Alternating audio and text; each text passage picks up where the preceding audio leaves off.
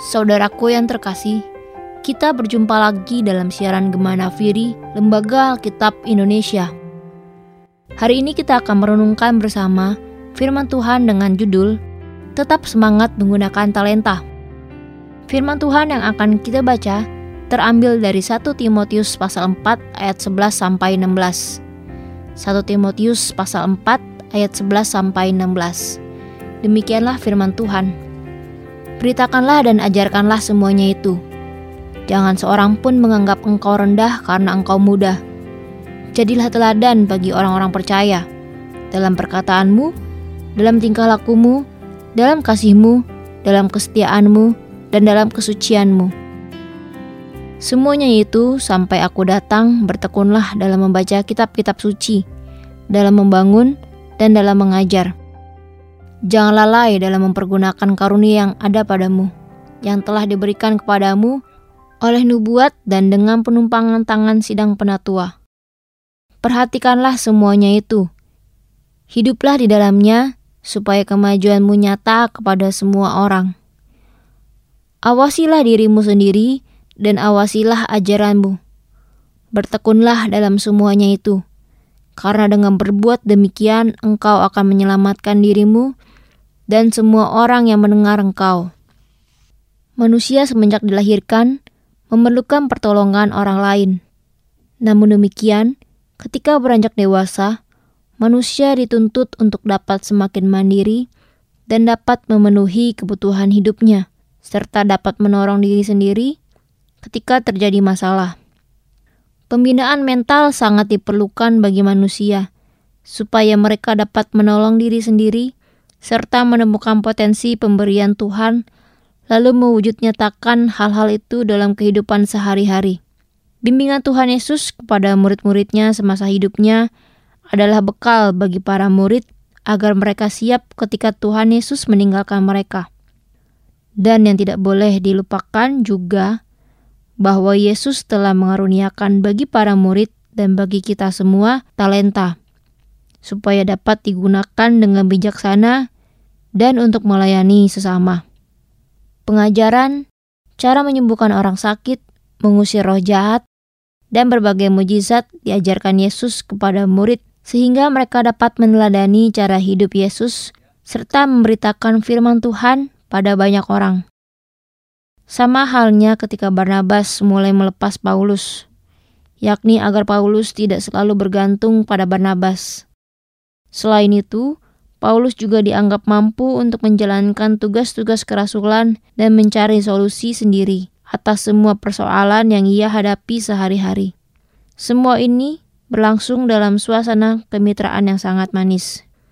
Yesus pun dalam interaksinya dengan murid-murid serta orang banyak sering kali mengajukan berbagai pertanyaan. Seperti dalam Matius pasal 8 ayat 26. Mengapa kamu takut? Kamu yang kurang percaya? Juga dalam pertanyaan dalam Lukas pasal 10 ayat 26. Apa yang tertulis dalam hukum Taurat? Apa yang kau baca di sana? Pertanyaan yang cukup tajam ini ingin memberikan penegasan, pembinaan, dan pembelajaran bagi murid-murid supaya memiliki sikap yang berani memperjuangkan kebenaran. Tuhan Yesus sesungguhnya telah mengetahui dan memiliki semua jawabannya. Yesus juga sangat bijaksana untuk melakukan segala sesuatu bagi orang lain sebelum mereka memohon sesuatu kepadanya. Dalam hal ini, ia tidak mau mengambil alih tanggung jawab dan bagian yang seharusnya dikerjakan oleh manusia. Tuhan Yesus tidak selalu menggunakan cara yang menggurui, mempermalukan, memarahi, mewajibkan, atau menyerang orang lain. Cara-cara yang Tuhan pakai sungguh sangat indah dan luar biasa.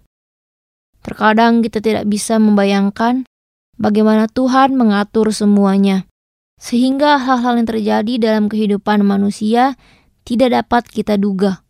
Karena Tuhan sudah begitu baik pada kita, maka kita sebagai umat ciptaannya harus saling mengasihi dan saling menghormati. Dasar hubungan baik manusia adalah rasa hormat dan tidak memandang berasal dari kalangan mana pun. Kelayakan manusia tidaklah diukur dengan jenis profesinya atau personalitasnya yang menyenangkan atau berdasarkan kepemilikan orang tersebut.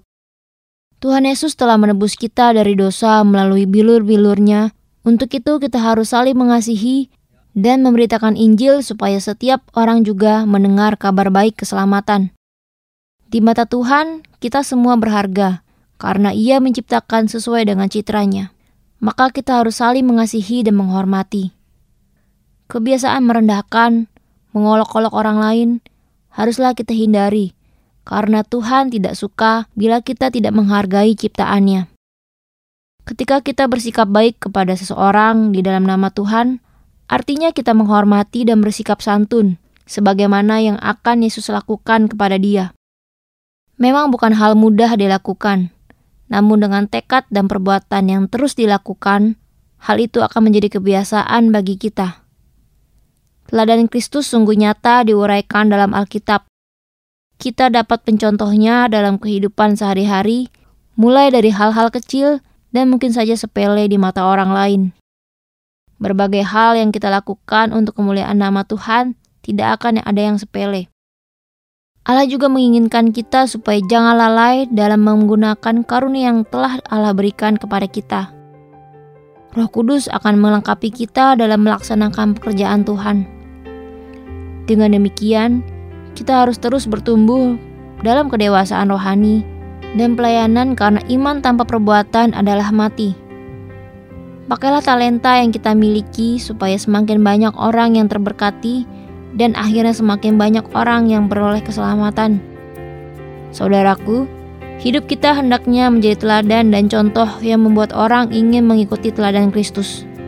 Kita tidak dapat memaksakan kehendak orang lain namun kita dapat menjadi cerminan pribadi Kristus yang mengasihi dan membawa berkat bagi banyak orang. Selamat berkarya menggunakan talenta yang Tuhan berikan untuk kemuliaan nama Tuhan dan semakin banyak jiwa yang diselamatkan. Tuhan Yesus memberkati kita semua. Amin.